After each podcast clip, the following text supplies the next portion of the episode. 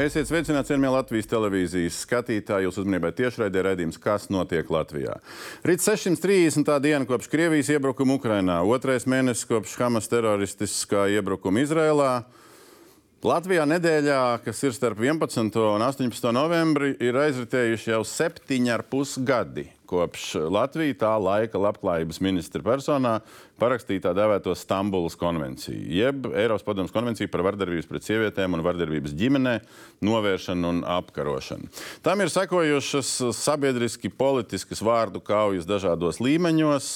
Um, tā arī neratificējot uh, konvenciju saimā, nu, tās uh, ratificēšanas likuma projekts ir atgriezies uh, kārtējo reizi saimā līdz ar deklarācija, ko te pievienojas valdība, tāda deklarācija, kādas līdz šim uh, agrāk nebija. Vakar projekts sāka skatīt saimnes juridiskā komisija. Vēl ir jautājums, kad projekts nonāks uh, pirmajā lasījumā, pirmajā no diviem lasījumiem, kas kāds starptautiskos līgums uh, saimnes darba kārtībā. Bet nu, šovakar par to, kāds ir šis projekts un kāds um, deputāti lēmums vienā vai otrā virzienā, ko var vai nevar ietekmēt valstī un sabiedrībā. Parunāsim.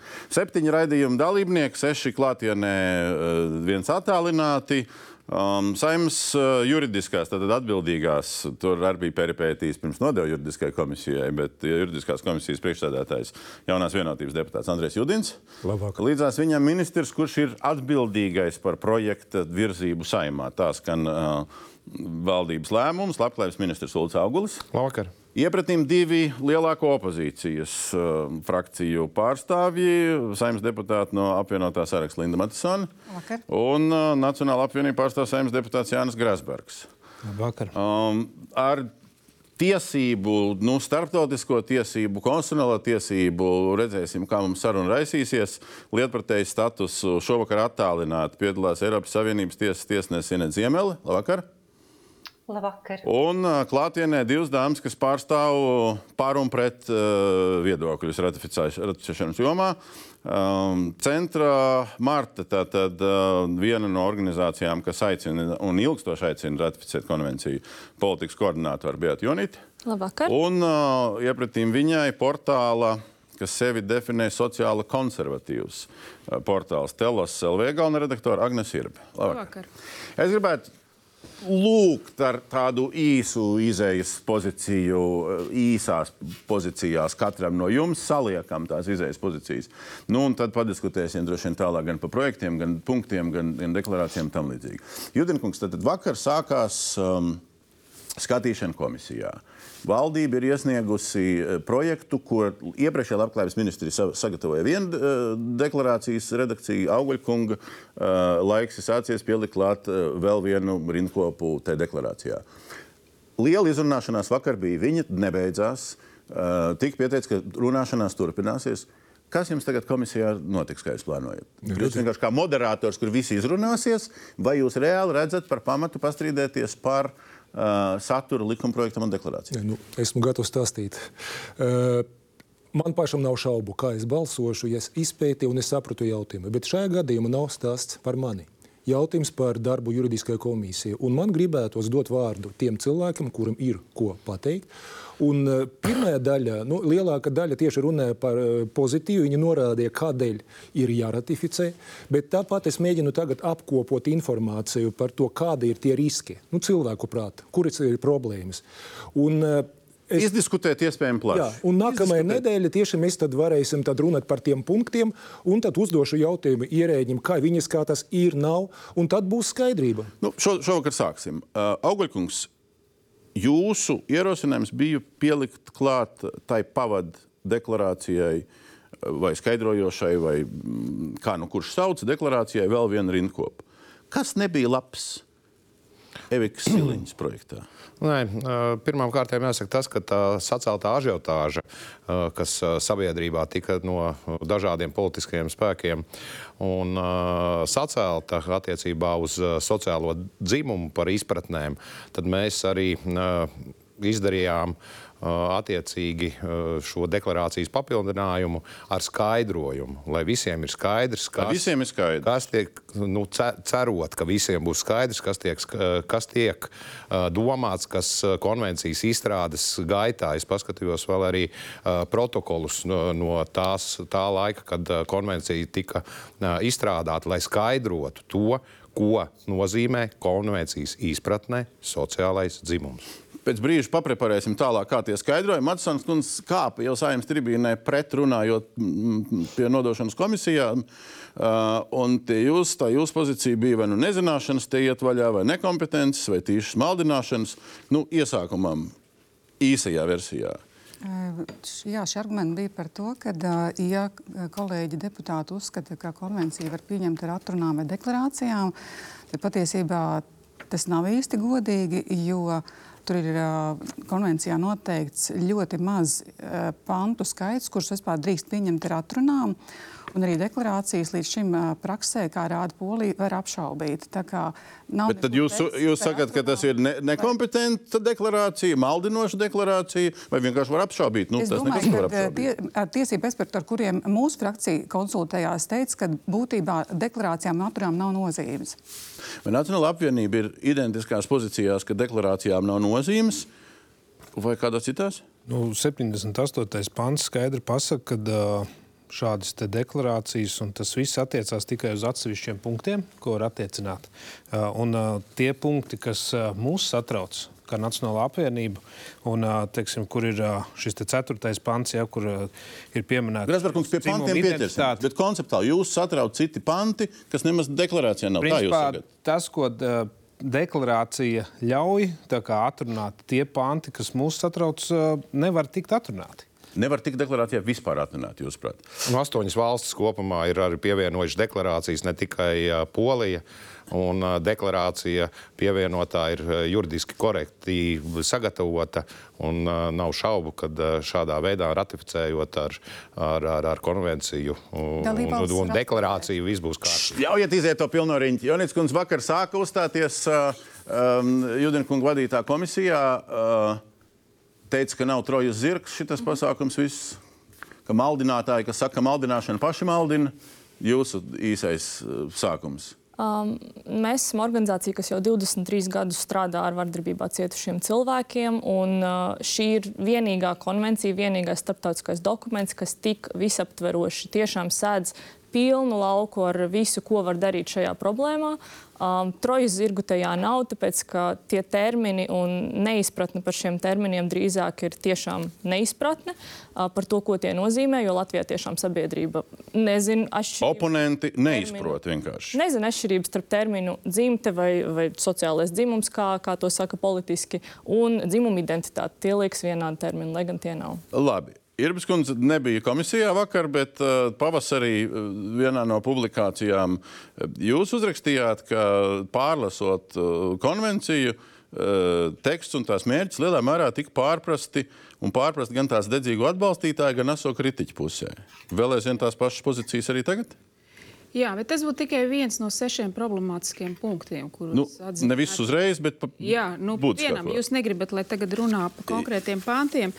Bet uh, deklarācija ir uh, ļoti nekvalitatīvi uzrakstīta. Tur izskatās, ka tur ir vienlaicīgi strādājušas vairākas komandas no ekspertiem, kuras dab, darbojas ar dažādām uh, antropoloģiskām pozīcijām, vai ka tur ir beigās kopēti iekšā teksti no kaut kurienes citurienes. Tas ir radījis, nu, manuprāt, pilnīgi pamatotu satraukumu par to, kas tur īstenībā attiecībā uz dzimumu ir teikts un ko konvencija īstenībā aizstāvēs un kā tā tiks vēlāk izmantot konkrētā praksē. Es esmu kategoriski pret. Jā, šo noņemam. Man aicinājumu nerunāt par punktiem. Un pirms es Ziemeļs kundzei dodu vārdu, tad mēs te salikām kopā trīs no punktiem, kur ir nu, tie jēdzieni, un šie bija arī starp tiem punktiem, ko satversmes tiesā likus, likus skatīšanu nu, kur ir gan sociālais dzimums, gan sociālās lomas, trešajā pantā, pēc tam tur tās nu, jēdzieni tur turpinās un, un, un atkārtojās. Un tad uz šī fona mēs uzliksim arī, arī nu, to deklarāciju uz otru ekrānu, tad, tad deklarācijā no Latvijas puses tiek pateikts trīs trīs rindkopas. Pirmās divas rindkopas bija jau projektā, ko izstrādāja iepriekšējās valdības laikā, Jeliņas kundze, kad bija uh, ministre. Tur tiek pateikts, ka Latvijas republikas satversmē uh, pie, piemēros konvenciju satversmē ier, ietverto vērtību principu normu ietvaros, kas būtībā ir tikai drusku vairāk nekā 16. gada viena deklarācija, kas jau līdzīgi no Latvijas puses uh, tika rakstīta. Un tad ir šis uh, jaunais uh, formulējums par sociālā dzimuma um, skaidrojumu, kā Auguļkungs saka. Ziemelskungs, nu, sāciet, uh, es nevaru noturēties no tā vārda, sāciet, nu, tiesāt. Kas te tagad izskanēja? Jā, par ko, kas, kam kas nav skaidrs, uh, vai varbūt abām pusēm nav skaidrs, uh, un cik kas ir kvalitatīvi uzrakstīts, un ko var vai nevar skaidrot. Jā, nu paldies um, par šo iespēju um, komentēt. Protams, to ir ļoti grūti izdarīt, jo um, pašreiz, es domāju, skatītājiem arī tiek tādas uh, nedaudz druskas dotas. Um, es varbūt gribētu sākt uh, ar sākumu, un proti, uh, ka uh, Stambuls konvencija, tāpat kā jebkurš cits starptautiskais līgums, ir jāinterpretē atbilstoši uh, konkrētai metodei. Un tā ir ties, tiesībās uh, akceptēta metode, proti, starptautiskajās tiesībās. To nosaka Vīnes konvencija par starptautiskajām līgumtiesībām, 31. pāns. Un, lai mēs saprastu visus šos jēdzienus, par kuriem šodien strīdās, un ne tikai šodien, bet jau labu laiku, tad vispirms uh, ir jānoskaidro un jāvienojās, vai mēs vispār zinām, kāds ir konvencijas priekšmets un kāds ir konvencijas mērķis. Nu, mēs zinām nosaukumu un visu ievadu, ko mēs tur varētu nezināt. Un konvencijas uh, pirmais pāns un preambula, manuprāt, uh, ja tos labā ticībā lasa un saprot tieši tā, kā tur ir rakstīts, uh, paskaidro arī visu pārējo, teiksim, gan definīcijas konvencijā un, un tā tālāk, un konvencijas izklāstu. Un tas, kas ir, ko ir vērts pasvītrot, ka ļoti skaidri gan no preambulas, gan no pirmā panta izriet, tā kā jūs, Domburkungs, arī uzsvērāt, kas ir arī nosaukumā, ka, protams, šī konvencija ir tapusi, lai Eiropā radītu telpu, kurā nav vardarbība pret sievietēm, pret meitenēm un, un arī ģimenēs. Un tas Labi, ir bet uz šī, fona, šī mērķa fona, un tagad viss tā jēga, kas iet gadiem ilgi, uh, sociālais uh, dzimums, uh, sociālās lomas un tā tālāk viss tas pārējais. Un atrunu jautājums un atrunu aizlieguma jautājums, kas šeit tiek runāts. Un līdz ar to jautājums, ko var vai nevar viena valsts uh, skaidrot vai neskaidrot uh, deklarācijā mēs ejam šeit šobrīd tā vai citādāk, kurā, kurā pusē vai kurā, ar kuru soli korekti un kurš te kļūdās? Ir divas lietas attiecībā uz atrunām un skaidrojošām deklarācijām. Kā kolēģis studijā norādīja, šajā konvencijā tik tiešām valstīm ir ļoti ierobežotas iespējas veikt atrunas ir iespējas pa atsevišķiem pantiem, bet tas nav Latvijas uh, gadījums. Um, starptautiskajās līgumtiesībās ikvienai valstī, ja vien tas nav īpaši atrunāts, ir tiesības pievienot uh, savu skaidrojošo deklarāciju. Ko tas nozīmē? Tas nozīmē, ka valsts paskaidro to, kā viņa saprot varbūt priekšmetu, varbūt kādu jēdzienu uh, konvencijā. Uh, Eh, līdz ar to eh, juridisks eh, līdzeklis deklarācija ir korekta, to var darīt. Nākamais, kas tajā deklarācijā ir ierakstīts, nu, un tad jau ir jāskatās pa punktiem. Tātad mums ir trīs rindkopas, ja, un, un tad ir jāanalizē, cik viņas ir atbilstošas. Es tikai vienkārši piebildīšu, ka nevar būt deklarācija nekādā veidā, nedrīkst būt slēpta atruna viens Un otrs, deklarācijā arī nevajadzētu veikt atsauces uz nacionālo likumu. Tam nebūs nekādas nozīmes, jo starptautiskās saistības tik vai tā ir jāpilda, un nacionālo likumu nevar izmantot kā argumentu gadījumā, ja sanāk neizpildīt. Tas, ko jūs šobrīd atbildība. sakat, ka nevajag atsauces uz satversmi deklarācijā. Nevar būt. Tas nepalīdzēs šajā gadījumā. Es, Tas nepalīdzēs. tais-. Bet deklarācijā jau um, mēs nekādā veidā nepārkāpjam to, ko saka uh, cienītā tiesneses kundze. Deklarācija at, atruna, uh, nevis atruna, bet uh, satversmes pieminēšana ir uh, pietiekoši juridiski korekta. Tas neko nedod. Bet tas dod, lai tie, kas uh, nesaprot, kam ir šaubas par trojas zirgiem, par vēl kaut ko citu, kas ir neiedomājami, par ko vispār konvencija nerunā, lai būtu skaidrība, ka konvencija runā tikai un vienīgi par vardarbību pret sievietēm, vardarbību ģimenē, vardarbību pret bērniem. Jo pēc fakta, arī skatoties uz šo deklarāciju, uh, viņa skaidro, bet viņa neko nemaina. Tāpēc, ka, uh, redzot ļoti daudzus rakstus un avotus, kur pati Eiropas padome skaidro, kā viņi uztver šos terminus, viņi skaidri saka, ka Stambulas konvencija nenosaka jaunus standartus attiecībā uz dzimumu identitāti. Viņi arī skaidri saka, ka vārds dzimte neaizstāj jēdzienus sieviete un vīrietis bioloģiski. Līdz ar to mēs pa lielam skaidrojam. Citi viedokļi šajā pusē visu laiku mums te ir uh, puses puses. Jā, kā tu teici, es, es, tikai, es tikai minūti iedrīkst. Uh, Spānija iesniedzot savu deklarāciju. Pieņemot uh, konvenciju pilnībā, vēl ar, ar, ar deklarāciju tieši pastiprināja to, ka viņi pilnīgi visu savu likumdošanu uh, pieskaņos uh, konvencijai un vēl vairāk. Paskatieties to, kas ir tagad uz ekrāna uzlikts. Ja? Es ceru, ka televīzijas skatītāji arī redz. Tur jau arī ir tas āķis. Ja? Tad skatieties, trešais pāns definīcijas. Ja? Viņi saka to, ka viņi definē sociālo dzimumu.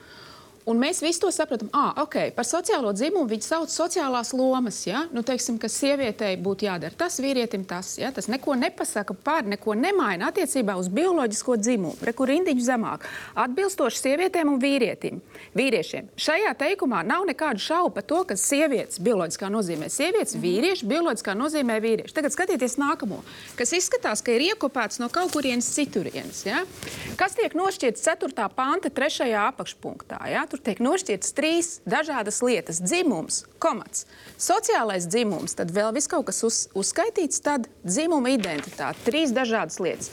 Sociālo dzimumu, redz, kur mums augšā definē, ah, tās ir tās dzimuma lomas, tā ir. Dzimuma Kur jūs redzat paga, paga, paga, paga, pagaidiet. pi- jūs te pilnīgi, tagad, pilnīgi tagad sapināt. Viss. Te ir runa par no Sociālā diskrimināciju. dzimuma, un tālāk vēl ir dzimuma identitāte, kuru nedrīkst diskriminēt. Ir skaidrojošais arī prasa nediskriminēt. Es, es varu pabeigt, ja? skaidrojošais ziņojums. Ja?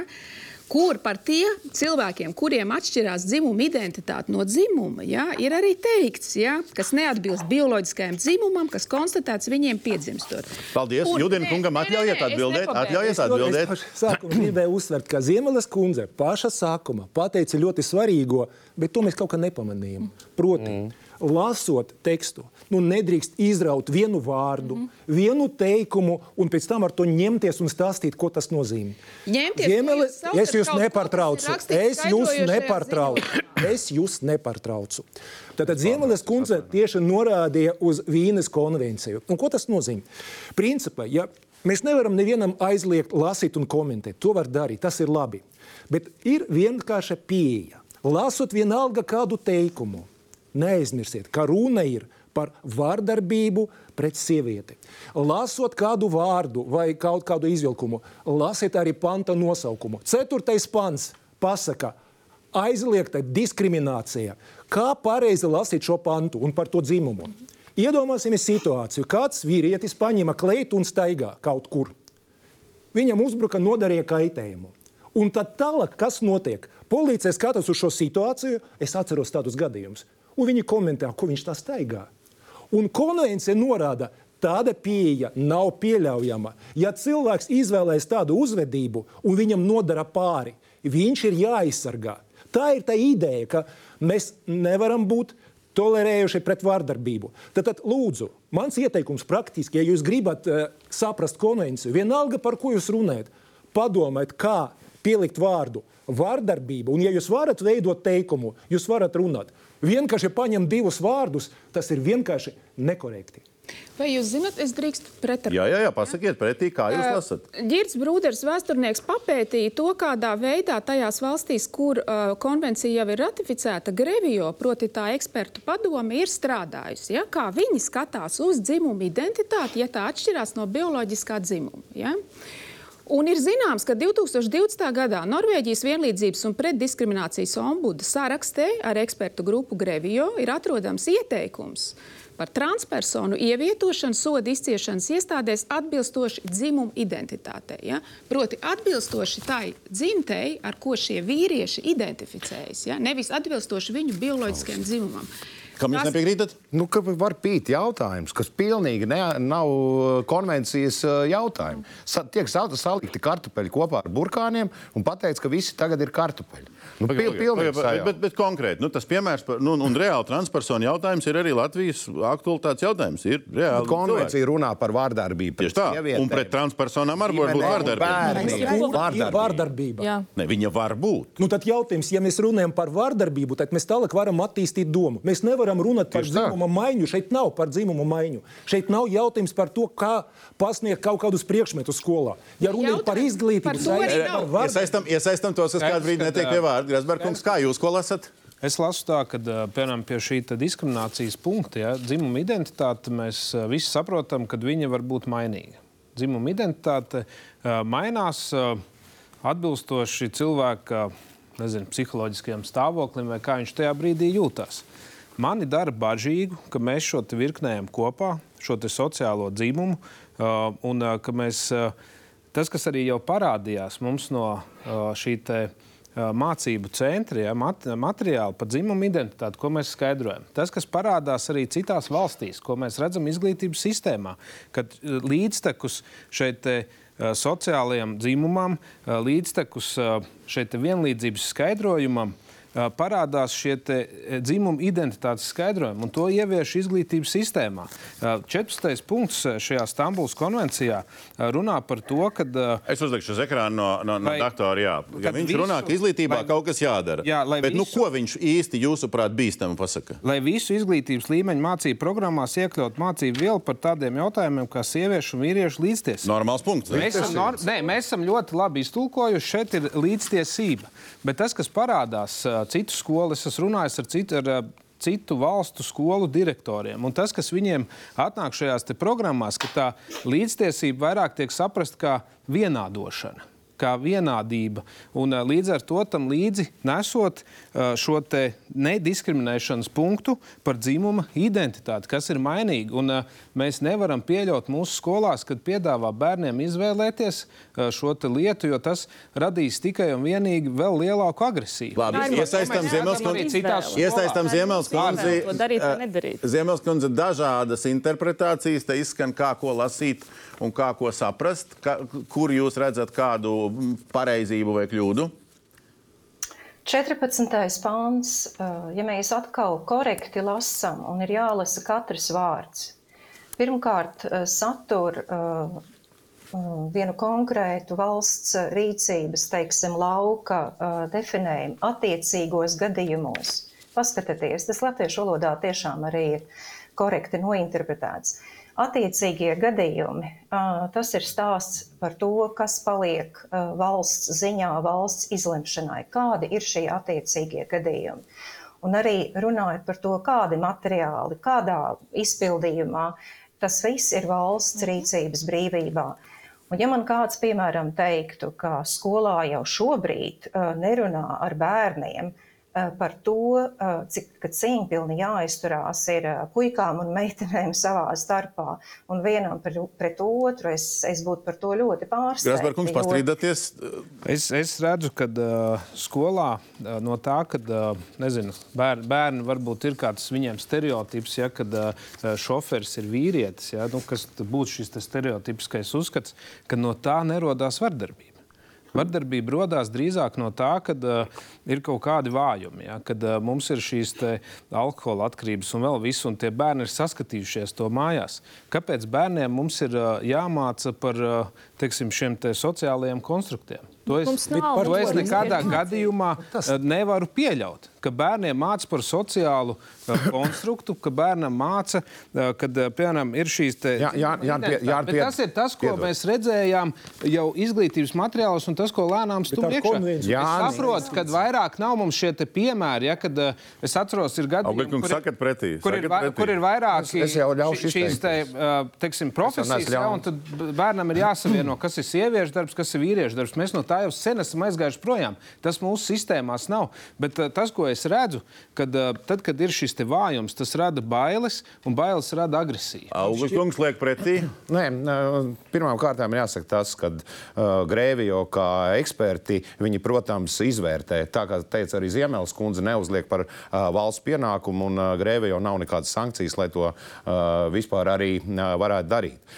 Ja mēs skatāmies izglītības uh, sistēmā, jā, iespējams, daudzas lietas jau šobrīd mums, kas ir gan materiālos, gan, gan saturā, nebūtu jābūt, kas tiešām arī veicinātu iespējams vardarbību. Piemēram, Polijai.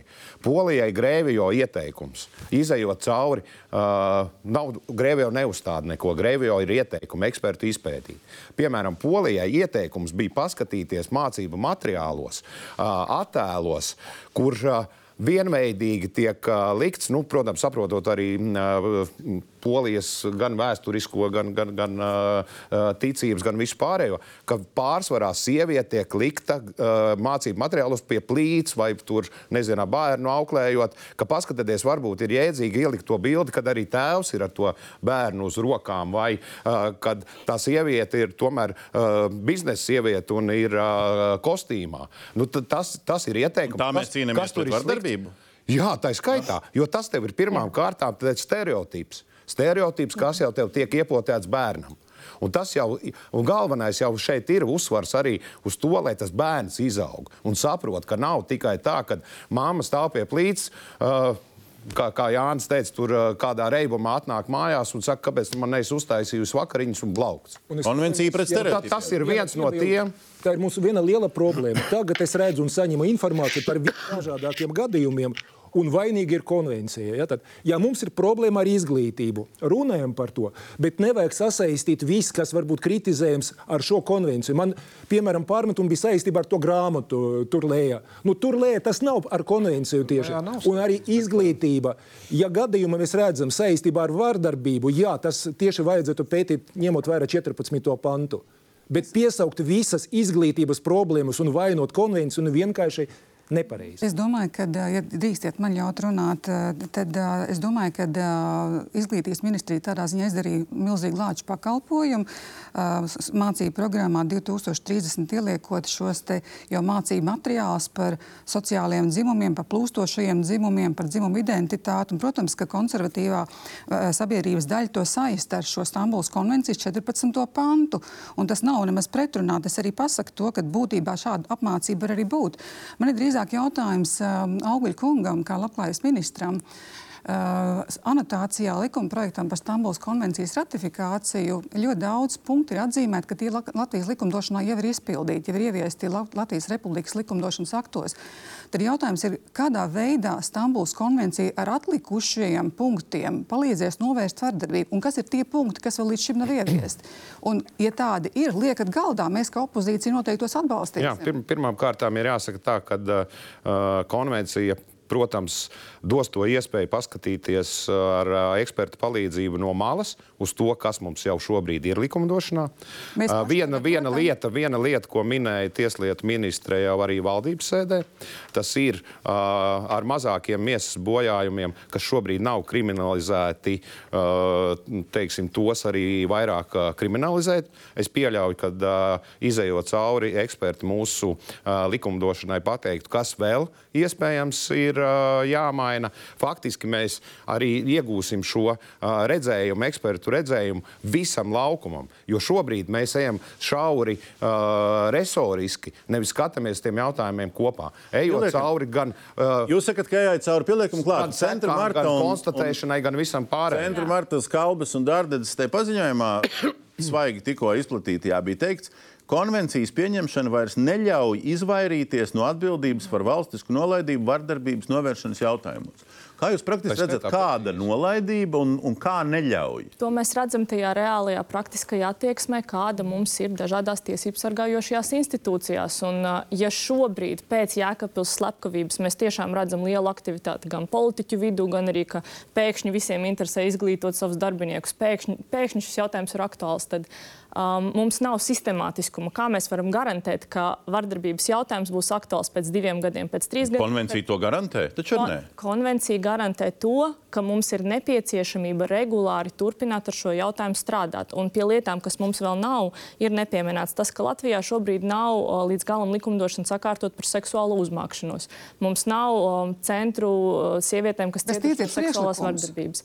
Mēs arī sniedzam regulāri, bet Mēs- lieta mēs tāda, ka bez arī tā, ka, ka mums Bet tad nav konvencijas tam, uzreiz. Ko jūs konvencija? Kāpēc mēs nevaram Bet tāpēc, ka Ko tad jūs baidaties tas atbalstīt konvenciju? Konvencija ir tas rāmis, kurš, kurš mums palīdzēs arī turpināt uzlabot tos pakalpojumus, jo daudz kas mums jau ir, bet nestrādā pietiekami. Kāpēc mēs labi. nevaram mūsu pašu likumus īstenot un realizēt? Kāpēc Kāpēc mēs mēs nevaram konvenciju atbalstīt tādā ratificējam? Kāpēc tā konvencija ir vajadzīga? Jūs A, Kāpēc nav vajadzīga? Pirmām kārtām, pirmām kārtām, Kāpēc mums ir vajadzīgs kārtējs dokuments, bet nevis rīkoties ar saviem nākošais mēs likumiem? visai sabiedrībai būsim skaidri pateikuši, ka mēs esam pret Mēs vardarbību. jau esam pret vardarbību. Šobrīd Mūsu likumi jau ir 75% pret vardarbību. pret vardarbību. Mums jau ir likumi 25% pret vardarbību. sabiedrības atbalsta vardarbību. Jūs padomājat. Šobrīd parlamentā vēl lielāks skaits atbalsta vardarbību. Nē. Vēl lielāks skaits Tas tās par deputātu. muļķībām. Tās nav muļķības, tā iznāk. Ja jūs ne, nevarat atbalstīt konvenciju un apzināties to, ka visiem kopā ir jācīnās pret vardarbību. Tad jūs pirms tam, kad balsojāt pret, jūs arī atbalstījāt Es neesmu balsojis pret nevienu ZZS. domāts ir. ZZS pret Stambulas ko- konvencijas Nu, ratifikāciju nav balsojis, pret. jo pret? konvencijas ratifikācija parlamentā nav bijusi. Vispār jau ir bijusi. Nav gan bijusi.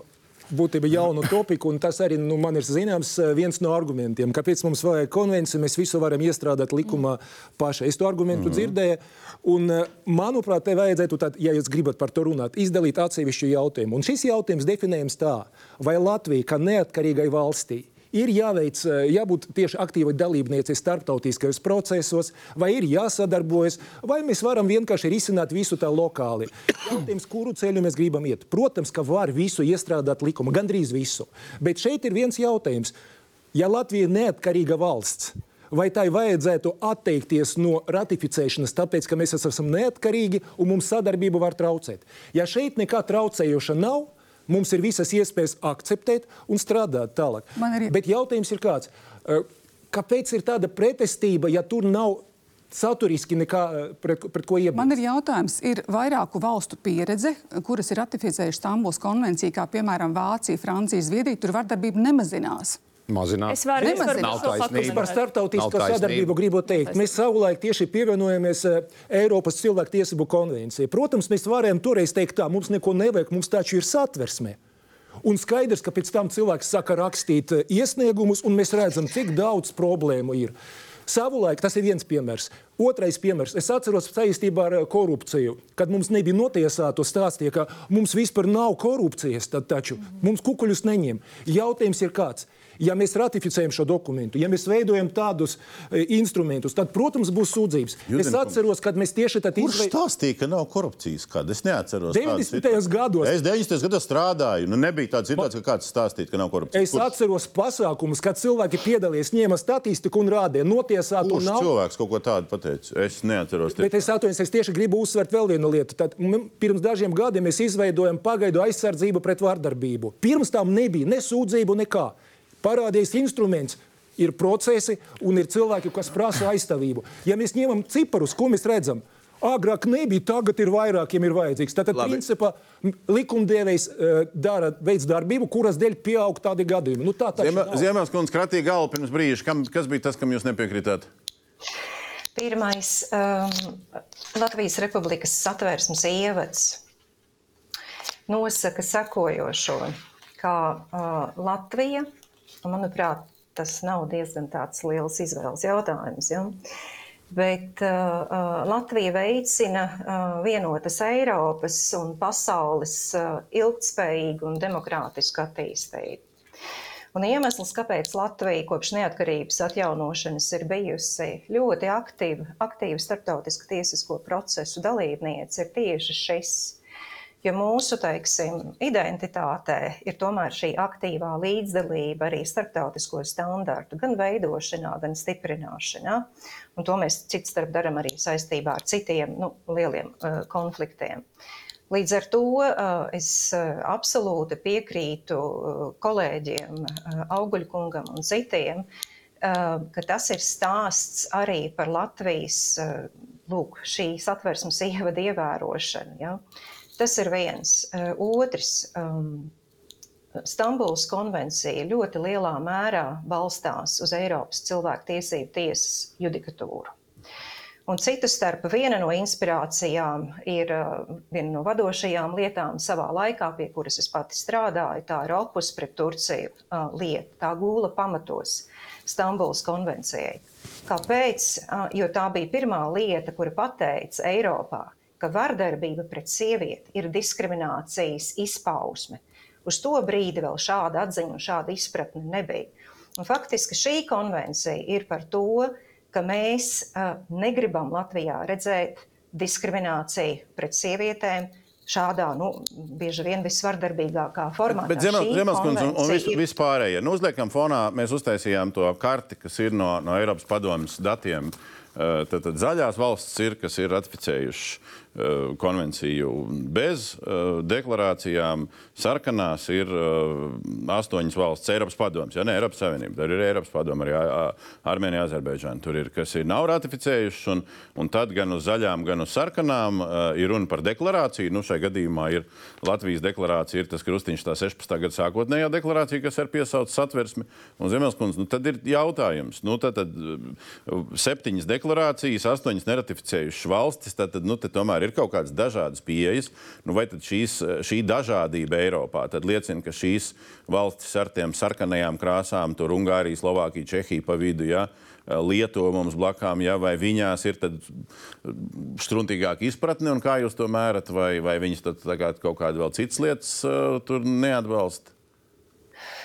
Es domāju, ka tā diskusija ir tikpat līdzīga, kā ir Latvijā bijusi pēdējos gados. Man Eiropas Savienības tiesā arī ir bijušas divas lietas, gan pret Bulgāriju, gan pret Rumāniju. Bet salīdzināms ne, ne tieši par šo. Bet es jums varu pateikt vienu, ka attiecībā arī uz tām valstīm, kuras Stambulas konvenciju nav ratificējušas, tostarp Latviju, jebkurā brīdī mums var Latvijā būt viena lieta, kura var nonākt Eiropas cilvēku tiesību tiesā. Tieši šādos, šādos scenārijos. Kaut vai Jēkabils traģēdija. Jūs runājat par to, kas Latvijā nav līdz galam mehānismā izveidots. Es teiktu, ļoti daudzas lietas un ļoti ilgstoši. Jo, piemēram, attiecībā uz Jēkabils traģēdiju viens no, no, no pienākumiem, kas arī Stambulas konvencijā ir noregulēts, ir kompensācijas uh, izmaksāšana, protams, zaudējuma atlīdzība. Ja? Kā mums notika šis process? Bet, bez, kompensā, be, bet bez konvencijas arī var šādas lietas noregulēt, vai ne? Uh, nu, redzat, tas ir jautājums par uh, likumu par valsts atbildību un kā mēs vispār viņu īstenojam, ja, ja, ja jebkad mēs viņu īstenojam. Šajā gadījumā Jēkabils lietā, kā jūs zinat, tur bija politisks ministru kabineta lēmums, mm. nevis juridiskais ceļš. Un tāpēc es arī gribu norādīt uz to, ka es, piemēram, iedomātos, ja kādi advokāti vēl saņemtos, tad varētu būt pietiekami daudz lietas, kuras atnāktu uz Eiropas cilvēktiesību tiesu ar smagiem spriedumiem un ar pietiekami nopietniem. Advokātiem darbs ir ieteikts. Parunājam par starptautisko salīdzinājumu. Iedodiet Irbas kundzei vārdu, ilgi, ilgi klausījās. Jā. Judina kungs, jā. man liekas, ka jūs savā iepriekšējās izteikumos, man liekas, arī aizskārā to vienu Nu, to, to pamatu jautājumu, kas šķir nosacīti ja, to konservatīvo sabiedrības daļu, kas ir pret Stambulas konvenciju, ja, un to liberālo daļu, ja, vai to progresīvo daļu, ja, kas, kas grib nu, pilnīgi ja, iekāpt šajā vilcienā, kas traucās uz to Eiropu, un kur ir tās zaigojošās Eiropas institūcijas. Ja. Saprotiet man, lūdzu, ja, ka mums šis laika periods, ka mēs uzticējāmies visam, kas nāk no Eiropas padomus, visam, kas nāk no starptautiskajām cilvēktiesību aizsardzības nu, institūcijām, spēcīgajām organizācijām, ka visus šos, šos dokumentus mēs tā kā liekam priekšā un sakam, jā, viņi ir labi, viņi labi kalpos mūsu cilvēkiem, viņi labi kalpos mūsu Latvijai. Mums tas laiks ir sen beidzies. Jums minēšu dažus piemērus. Ja?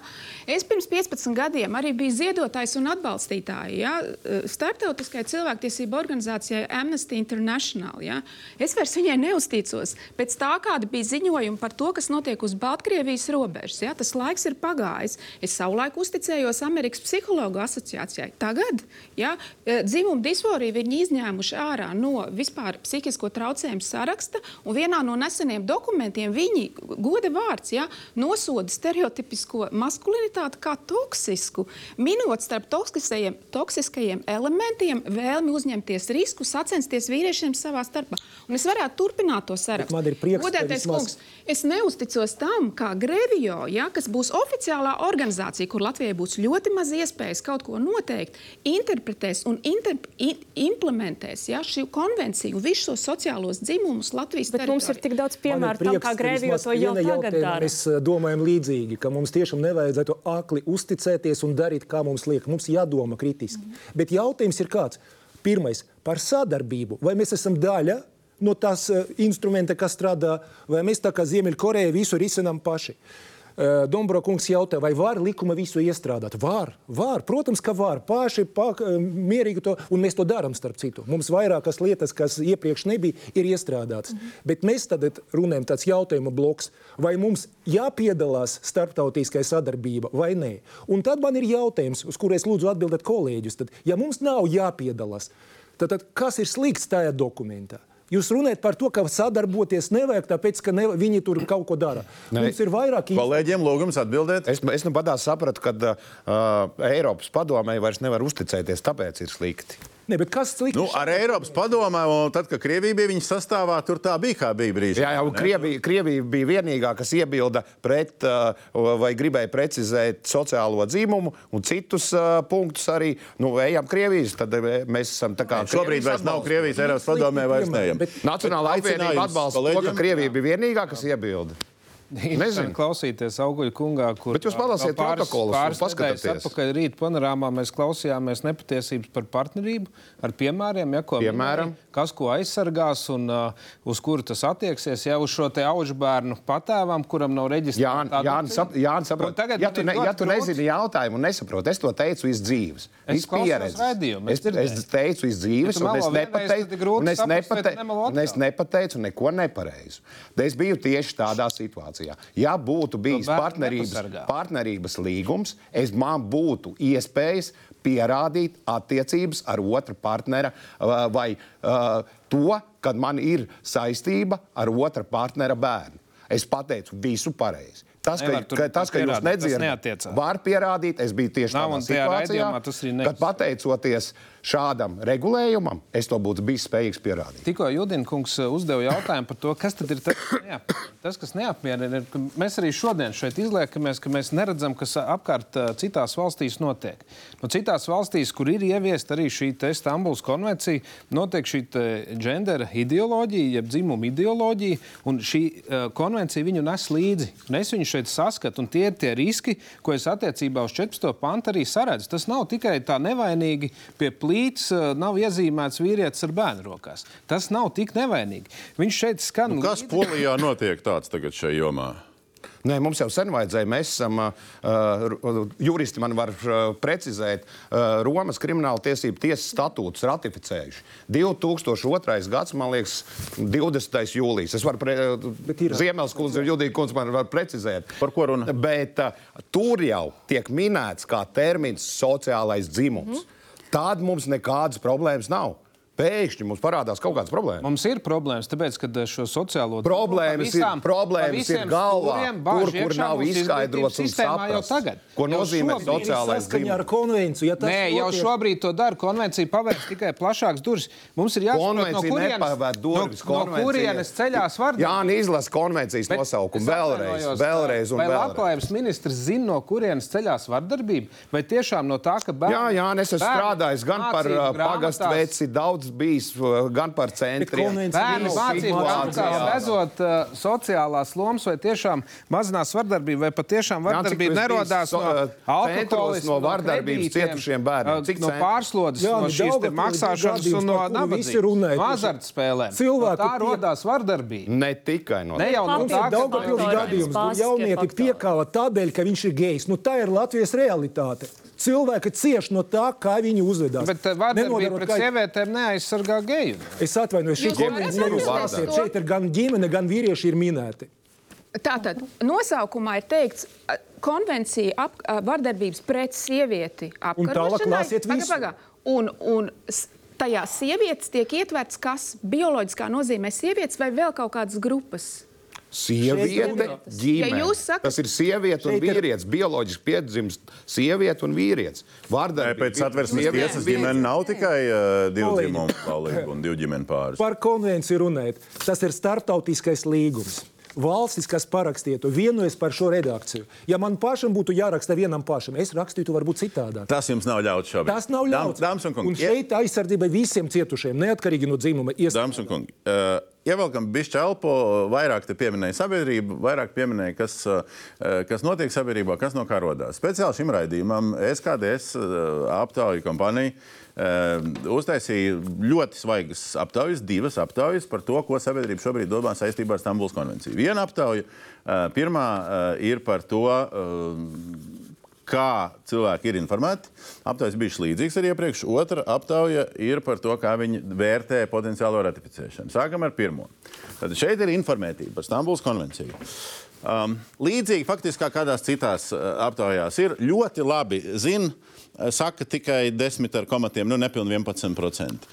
Otrs apgabals variants būs kopumā zina, bet ne detaļās. Tas ir absolūti lielākā daļa, 39%. Tad ir Nu, līdz ar to kopā šitie ir pusi no aptaujātajiem, klasiski tūkstoši un drusciņi aptaujātie.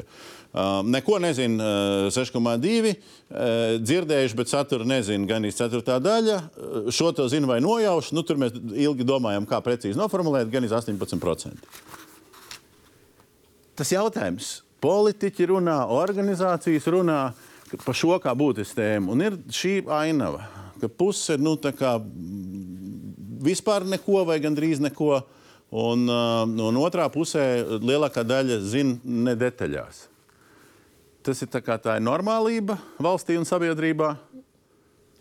Mums ir ļoti daudz konvenciju, par kurām cilvēki vispār nav dzirdējuši. Bet šeit uzmanība ir pievērsta. Tas varbūt arī labi, labi, ka mēs par to runājam. Bet es atvainojos arī klātesoši, vai visi zina, kas ir rakstīts. Mēs tagad mēģinām pierādīt kolēģiem, ka konvencija nav par izglītību. Klātsošie gan jau kas zina. Piedodiet, tikko mēs runājam 5 minūtes par to, ka 14. viens jā, par 14. ko pantu, un cilvēks izdara secinājumu, ka tas ir par izglītības standārtiem. Un mēs desmit reizes atkārtojam konvenciju par vārdarbību, par vārdarbības novēršanu, nevis par izglītības standārtu. Ja mums tik grūti šeit ar kolēģiem deputātiem, 14. Padomājiet, pants ir. skaidri pasaka, ka vardarbība novērsīs caur izglītības standarta mainīšanu. To pasaka 14. Bet nepasaka, un Nepasaka kā. standartu. Nepasaka, Kādu kā standartu? Viņš skaidri pasaka, ka visos līmeņos Jā, atbilstoši bet vecumam. nepasaka, Nu, tas ir kā. tas, ko es Bet izlasu. kā tad būs? tie Cienītie kolēģi, priekšā. deputāti, vardarbību būs? ģimenē redz bērni. Vardarbību ir Kas ir jāmāca, cēlonis? ka tas nav labi. Kas ir Cienītie politiķi. ir jāsaprot, Cienītie politiķi. Kas ir. Cienītie politiķi. Sabiedrībā pastāvošie Sabiedrība. stereotipi. Tieši tā, stereotips sabiedrībā. To Cienītie politiķi. Bet es jums varētu, ja es varu jā. jums tieši pajautāt, jo jūs strādājat ar to. Ja? Nu, tad, nu, vai tam taču nav iespējams piekrist. Ja? Tā ideoloģizētajai pusē, kas sākās jau no, pre, no preambulas. Ja? Atzīstot vardarbību pret sievietēm par struktūrālu, ja? par dzimumā balstītu vardarbību, gender-based violence. Ja? Vai jūs tiešām, jūs tiešām to redzat arī savā Martas centrā? Pagaidiet, es Absolūti, pabeigšu. protams. Tad, kad ka sieviete tiek sista, piemēram, ģimenē vai kaut kur citur, tikai tāpēc, ka viņa ir sieviete, nekādu citu iemeslu dēļ, nevis tāpēc, ka ir alkohols, Ļaujiet atbildēt, ļaujiet atbildēt, lūdzu. Šeit runa ir par to, ka sievietes tiek, diemžēl, sistas disproporcionāli vīriešiem, un iemesli vardarbībai pret vīriešiem un vardarbībai pret sievietēm ir atšķirīgi. Vardarbība pret vīriešiem parasti izpilda citi vīrieši. Vardarbība pret sievietēm parasti ir no vīriešu puses, kas to padara par unikālu tieši dzimumā balstītu vardarbību. Tā nav, tas nav vienkārši izkaušanās draugu lokā, tā ir vardarbība, kurai nāk klāt kaudze dažādu pazīmju, kā nezinu, trauma, traumatiskums ir daudz lielāks, ja tevi iekausta tavs tēvs vai tavs vīrs, nekā ja tevi iekausta kaimiņš, tāpēc ka tas nāk ar ar vilni, ar dažādām traumām, ko, ko ir ļoti grūti psiholoģiski risināt pēc tam. Un, protams, jums, ka tā atšķiras. Tas ir, tas ir tāpēc, ka ir šīs dzimumu lomas, ka sievietes ir skaitās vājākais dzimums, ka vīriešiem tiek ieaudzināts konfliktus risināt, vicinoties ar dūrēm, nevis, nevis izrunājoties. Un šis sākas arī no izglītības. Mēs Tā vispār nestrādājam ar ģimene, izglītība, sabiedrība. Jā. Struktūrālā ir tādēļ, ka sociāli tas ir jums nešķiet, ka šajā konvencijā vīrietis tiek parādīts kā varmāk? Nē, netiek, tāpēc ka tieši otrādi pēc, netiek, jo- pēc konvencijas standartiem, tieši runājot par nediskrimināciju, viņa tieši izņem vīrieti no konkrētas lomas, ka viņam jābūt varamākam vai agresoram. Viņa nostāda šos eh, gan sievieti, gan vīrieti pozīcijā, kur abiem ir jābūt cieņpilniem un kur diskriminācija nevar pastāvēt. Paldies. Tāpēc, ka Ielikam vēlreiz elpu. Jūs tiešām neinteresē, ko tā sabiedrība domā. Jā?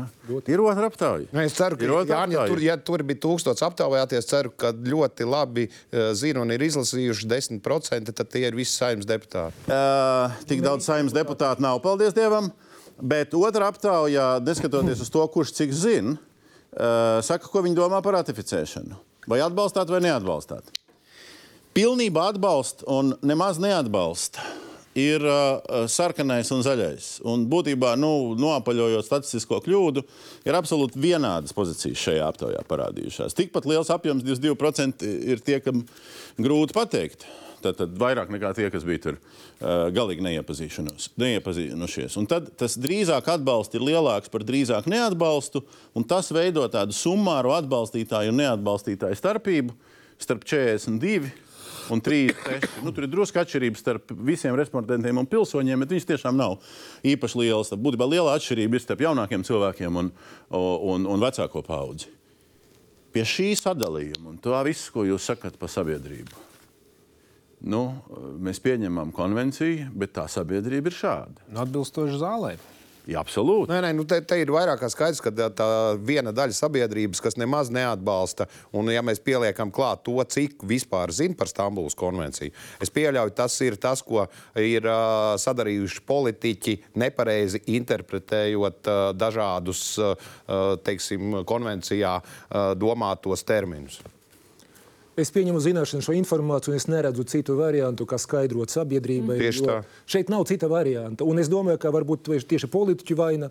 Daži izmanto to ļaunprātīgi, vienkārši maldinot. Nu, viņi kā krāpnieki, cilvēki uzticās, viņi melo. Citi savukārt uzskata, ka tā ir starptautiska konvencija. Judenkungs un Auguļkungs, nu tad pasakiet, ZZS, kas iepriekš bija pret, nu tad ar maldināja.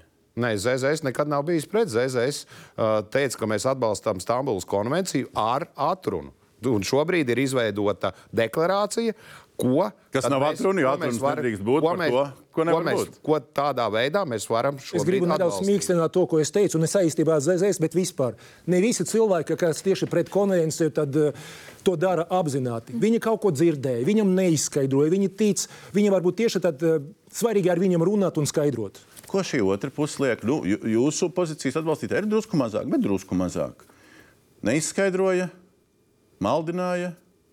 Es eh, vienalga pastāvu uz to, ka uh, tur ir iekšā šī ideoloģija. Un uh, ka mēs uh, necīnāmies pareizajā virzienā. Es sevišķi runāju tieši par šo skolu. Tas ir tas, kas man visvairāk satrauc.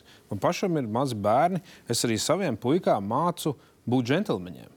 Kā izturēties pret sievieti, un tas viss. Un, ja tam iet pa virsmu viss tā vienādošana, un viss tas te saka, tas ir nepareizi. Mēs šeit braucam no viena grāvja otrā. Ir tāda patiesība, ka uz vienu kilometru ceļa ir divi kilometri grāvju. Un mums tas viens grāvs ir Padomju Savienība, blaknes, kas nāk līdzi tas, ko mēs šeit dzirdam. Tie stereotipi. Un otrs ir tas, ka mēs iebrauksim otrā grāvī, eh, pataisot tādu vienādību, ja? vienādojot sievieti ar vīrieti. Bet uh, mums ir jāatcerās, ka uh, vīrietim ir jābūt džentlmenim. Un viņam ir jāattiecās labāk pret sievieti nekā pret vīrieti. Vai tad konvencija ir pret to? Nav. Ne, nav pret to. Jā, tu, Viņa- viņa, viņa patās aizrāva, man liekas, Nu, Nē, es krūmos. bet mums ir jā, jā, jāturās uz ceļa, ka tomēr puikiem Ceļš, grāvis un jā- krūmi. Jāaudzina viņi par mīlošiem vīriešiem. Jāni, bet, ja mēs vienā Tas ir man- tieši Kungi- tas, ko konvencija Kungi, iedosim, iedosim sievietei vārdu. Kungi. Es, nē, Jāni, man ir jāatbild. Kungi. Es tikai, es tikai īsi. Es tikai īsi. dažādas Īsi, ļoti konvencijas. īsi. Ļoti īsi. Jāni, ja man būtu pārliecība, ka konvencijā kaut kas tam līdzīgs ir iekšā, ko tu mini. Man divi puikas, viens pirmā klase, trešā. Šitos privātos stāstus, kurš kā bērns māca, lūdzu, nē, Tu tiešām lūdzu, nē. domā, ka tā ir? Nu, Lūdzu, nē. jāmelo sabiedrībai? Lūdzu, nē. Ziem? Es Iedodam, 14. iedodam saskatu. vārdu. Kungi, iedodam Ziemelskundzei atkal vārdu. Ja? Bet Ziemelskundzei nestāstiet, kā jūs bērnus mācāt. Ja? Tā tomēr ir ka- katra privātā teritorija. Bet pie šī, kas ir ļoti būtiski, kā ši, šo lietu uztver Latvijas sabiedrība, kāpēc viņi to uztver? Uh, un cik tālu te ir arī ideoloģiskie aspekti, ne tikai juridiskie un tiesību normu tulkošanas aspekti. Par ko īstenībā nu, iepriekšējais prezidents, lai cik viņš nepopulārs, daudz nepopulārāks sabiedrībā bija, bet arī runāja, ka te ir arī ideoloģiskie aspekti. Zemeskundze. Nu, redzat, um, arī mm, konvencijas, teiksim, pirms konvencija tika pieņemta un, un šis pietiekami smagais process uh, pie jebkura startautiska līguma izstrādāšanas. e, Ir tas pats, kas notiek saimā. Nu, tā ir politika. Un, protams, ka pie galda sēžās uh, nu, dažādas kultūras, ar dažādām, teiksim, kaut kādiem nu, uzstādījumiem.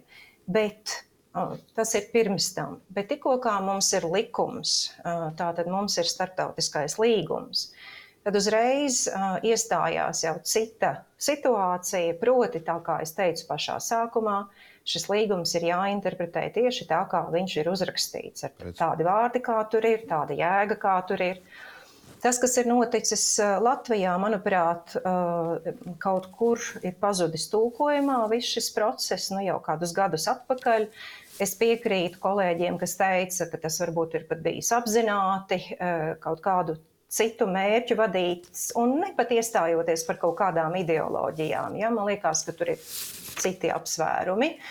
Um, bet nu, tagad mums ir, uh, mēs esam tajā, es patiesībā jūsu diskusiju saskatu kā tādu iespēju, uh, jo viņa ir laba diskusija, um, tik tiešām uh, no tās pēdējo sešu gadu vai cik gadu uh, uh, aptumsuma uh, iznākt ārā un nointerpretēt konvenciju nu, tā, kā viņa ir. Uh, Bet, ja jūs sakat, jāinterpretē, kā ir, un mēs te redzam visu laiku, ka ir interpretācijas, ja ne pretējas, tad vismaz nu, diezgan atšķirīgas. Domburkungs, Vai var vispār būt viena interpretācija priekš visiem obligāta, Viņa ja ir, katru viņa- dienu mēs interpretējam kaut ko tiesās? Mēs varam uzdot jautājumu. Ja? Nē, nē, viņa ir, jo, jo metode ir pilnīgi skaidra, bet konvencijā ir arī atvērtie jēdzieni. Un, piemēram, tas, ko jūs uztraucaties par 14. pantu, es vēlreiz uzsveršu, paskatieties um, parasto jēgu šiem vārdiem. Un tā jēga ir tāda, ka tātad, uh, valstī, kur nepieciešams, uh, kur latviskajā tulkojumā tātad kā bija attiecīgos gadījumos, kolēģi, tie gadījumi ir jums pašiem jānosaka. Ja? Tātad, uh, tas ir piemērs, uh, kur ir jāiet cauri terminiem, jēdzieniem, viņu parastajā izpratnē. Ziemasskungs kopā ar precizējam mērķi. šito. Ja saimas vairākums ar 52 pret 48, ja Buraus nenobalso vai kā citādāk, uh, tagad nointerpretē pa vienai versijai, tad par katru no šiem interpretējumiem opozīcija var doties atkal pa jaunam nu, uz satversmes tiesu. Vai nē? Nē, satversmes tiesa ir vērtējusi Stambulas konvenciju, un tā ir viena ļoti laba lieta Latvijas konstitucionālajā iekārtā, ka attiecībā uz starptautiskajiem līgumiem to izvērtēšana var notikt pirms ratifikācijas. Šim līgumam tas ir izdarīts. Tur otrais ir vairs neko labi. nevar izdarīt, jūsuprāt. Nē, jo satversmes tiesa ir pateikusi, ka šis līgums atbilst satversmē. Labi, kas jums vēl tais punktos ir kaut kas nepieminēts?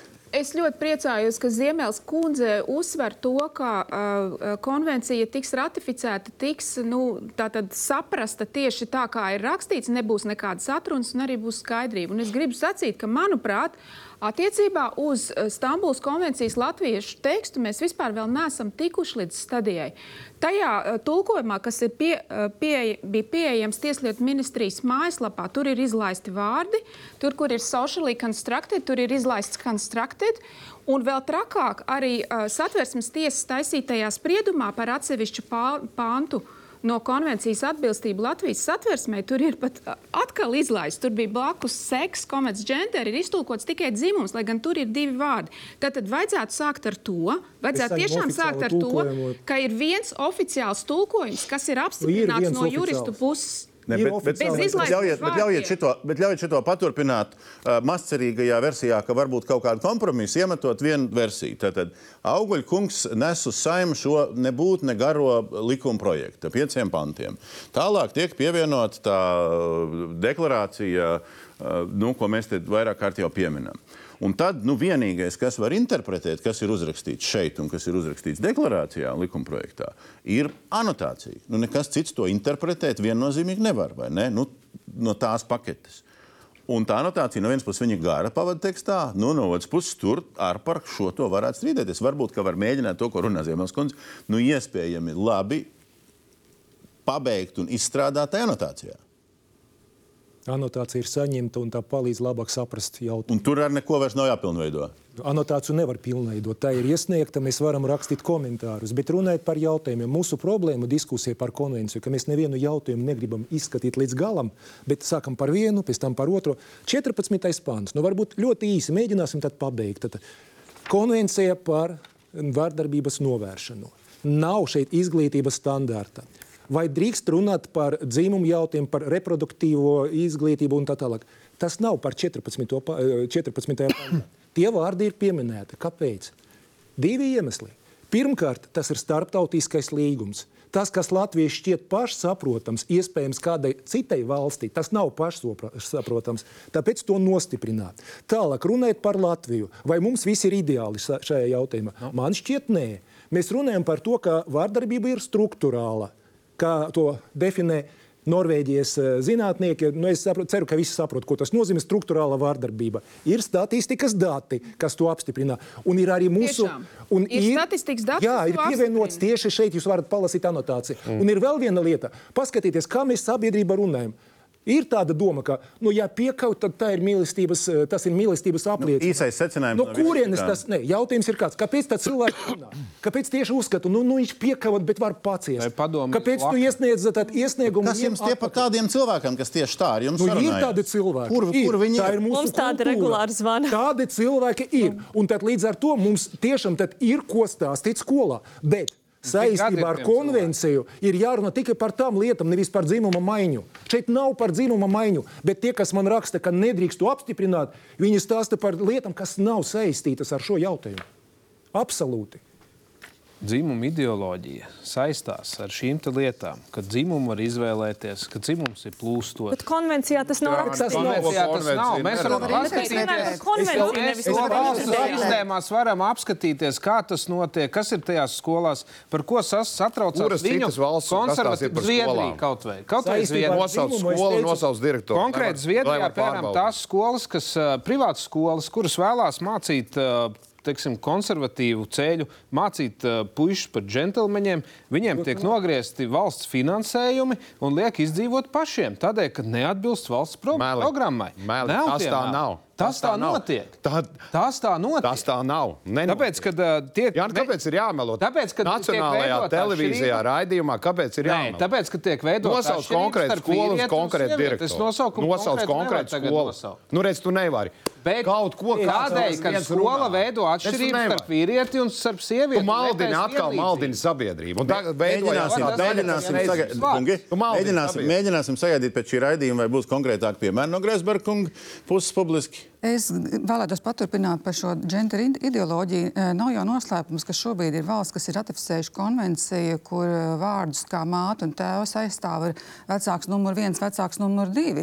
Un tas arī izriet no šīs No Stambulas. konvencijas tas Uzdot neizriet. jautājumu. Mēli, mēli, Matsons. Liekat pretī, lai, lai jūs varbūt iesaistīsies vairāk. Nē, vienkārši ir tas, ka jā, tā notiek, Arī tas es, ir es vēlējos ideoloģiski. pateikt par aptauju arī, kāpēc, kāpēc ir šādi iespējams ļoti arī skeptiski šie dati. Jo, manuprāt, manuprāt, vairums sabiedrības arī saprot, ka šādas konvencijas ratificēšana nebūs brīnumu nūjiņa, kas nākamajā dienā pārtrauks vardarbību. Nu, tā nebūs ne arī pēc piecām dienām, ne pēc desmit, ne arī pēc gada. Tas viss ir atkarīgs no tā, kā mēs paši savedīsim kārtībā savu tieslietu sistēmu. Tas nav skeptiski, tas jāatrunā. Ko jūs sakat pretī šim? Runājot par ideoloģijām, mēs dzīvojam globalizētā sabiedrībā. Skaidrs, ka pasaulē lietas notiek, bet jums ir kāds konkrēts pierādījums, kur tieši pēc būtības runājot par to konkrēto vienu līgumu, kur šis līgums vai kāds grēvijo atzinums, un grēvijo ir tā uzraugošā institūcija. Tas ir konkrēts prasa valsts, šo notiek. darīt. Valstis, jā, bet tur notiek arī citas lietas, un tāpat kā mēs nevaram vienā spainī mest Stambuls konvenciju un partnerību, Bet tās ir valstis, jautājumi. kurās ir ratificēta Stambuls konvencija. Jā, bet vai Bet Stambuls konven- tas jau neizriet no konvencijas. izmaiņas? Nē, tās izraisīja sabiedrības Loģiski, ka sabiedrībā un- ir bažas, un ka tas pats varētu būt arī pie mums, ko, ko lielākā daļa konvencija- sabiedrība nevēlas. bet konvencija un tur tās, bažas, un tās bažas ir tāpēc, ka Stambuls Tāpēc, ka jūs tās bāžas iesējat sabiedrībā. Tāpēc, ka Stambuls Jūs jau viņas konvencija, ja iesējat. būs pirmais Un starptautiskais līgums, ko parakstīs Latvija, kur ir iekšā ierakstīta sociāli konstruētā dzimta. Tāpēc ir Romas statūtos ir rakstīts sievietes un jūs sociālajā kontekstā. Tāpat kā Stambuls konvencija ar sieviešu un vīriešu arī to pašu divu bioloģisko dzimumu, sociālās lomas, kuras mēs nevaram apšaubīt, jo viņas pastāv, viņas ir dažādas. Mēs, diemžēl, joprojām audzinam savādāk meitenes un zēnus, un tas ir tieši tas pats 2002. gadā ratificētajos Romas statūtos, 2008. gadā ratificētajā Eiropas padomas konvencijā pret cilvēktirdzniecību. Tur ir vārds gender, viņam nozīme ir tieši tāda pati kā Stambuls konvencijā. Un šie Kura dokumenti no, kura no nozīmēm, gender nozīmēm, tur ir minēts 25 reizes, tur ir vismaz divas nozīmes vārdam genders. Ā, genders Eiropas savā padomas konvencijā par cilvēktiesniecību vārds gender ir 17 reizes. Es esmu saskaitījusi. Bet, Drīkst bet kurā pajautāt no- kolēģiem? pas- Pajautājiet. Es tikai gribu saprast, sagatavot, ja kādu vīrieti piekāpja tādēļ, ka viņš izskatās kā meitene, jūsuprāt, ir jārēģē vai vajadzētu viņam pārmest? Protams, ka ir jārēģē. Ir. Uz jebkuru vardarbību Pro, paldies, paldies. Tad, tad nākamais jautājums. Konvencija par tādām lietām. Un mēs redzam, ka nu, tādi gadījumi notiek, tad līdz ar to kaut kur kaut kas nav izskaidrots. Vai jums ir iebildumi, ja mēs skaidrosim bērniem, ka vajadzētu pieņemt pasaules dažādību un nevajadzētu lietot spēku? Ja Man- kaut kas nepatīk, man- jūs piekrītat vai nē? Tam piekrītam. Nu, tad, viss, tad jūs par Pieņemt pasaules konvenciju. dažādību un lietot fizisku spēku ir atšķirīgi. Ne, Ne, jautājums- ne visa pasaules Jūs dažādība atbalstāt jāpieņem. konvenciju, jūs saprotat? Par vardarbību pret Un Tas ir dažādību par to nevar 14. pantu. Un jūs tikko teicat, ka jums jūsu viedoklis sakrīt, bet kad ir jābalso, un nē, mēs negribam balsot. Jūs vienkārši runājat par saviem topikiem, kas ne... Judenkungs, paturpinot to jautājumu, lok, nu, es nemēģināšu tur atspoguļot dažādas skatītāju jautājumus, kas, kas nāk, bet, bet viens, kas ir uh, ar savu lomu ironijas, bet būtu interesanti, kā, kā jūs vai jebkurš cits kā reaģē. Uh, viens jautājums uh, bija sekojošs. Ja sieviete, kur uzskata, un tie ir cilvēki, kas ir ar dažādiem sabiedrības uzskatiem, ne šitā viņa raksta. Ja sieviete, kur uzskata sevi par vīrieti, piekauj vīrietis, kurš pozicionējas par sievieti, kas jādara tradicionālajiem policistam?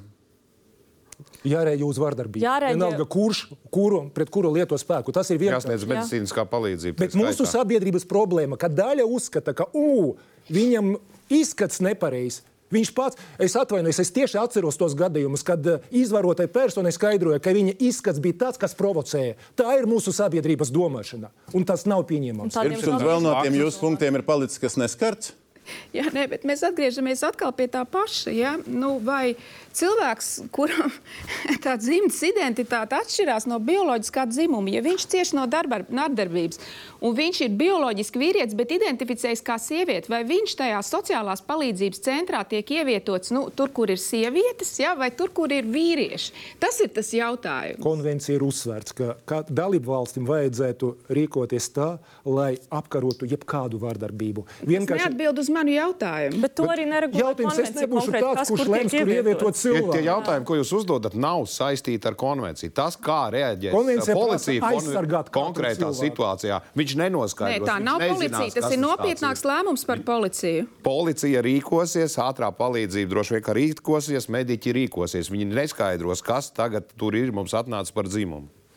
Paga, bet tas šit, no šīs vietas gan interesanti. Ne, es- Ja mums ir cilvēks, kam ir pieminēta uh, dzimuma disforija, Un, un Jā, ir- jā, tas ja ir viņš uz ielas ir definēt. ja viņš uz ielas ir domāju, ka- tu to varētu atpazīt. Es Nav runa nevaru. par mani. Ir runa par to, kā konvencija ieviešot.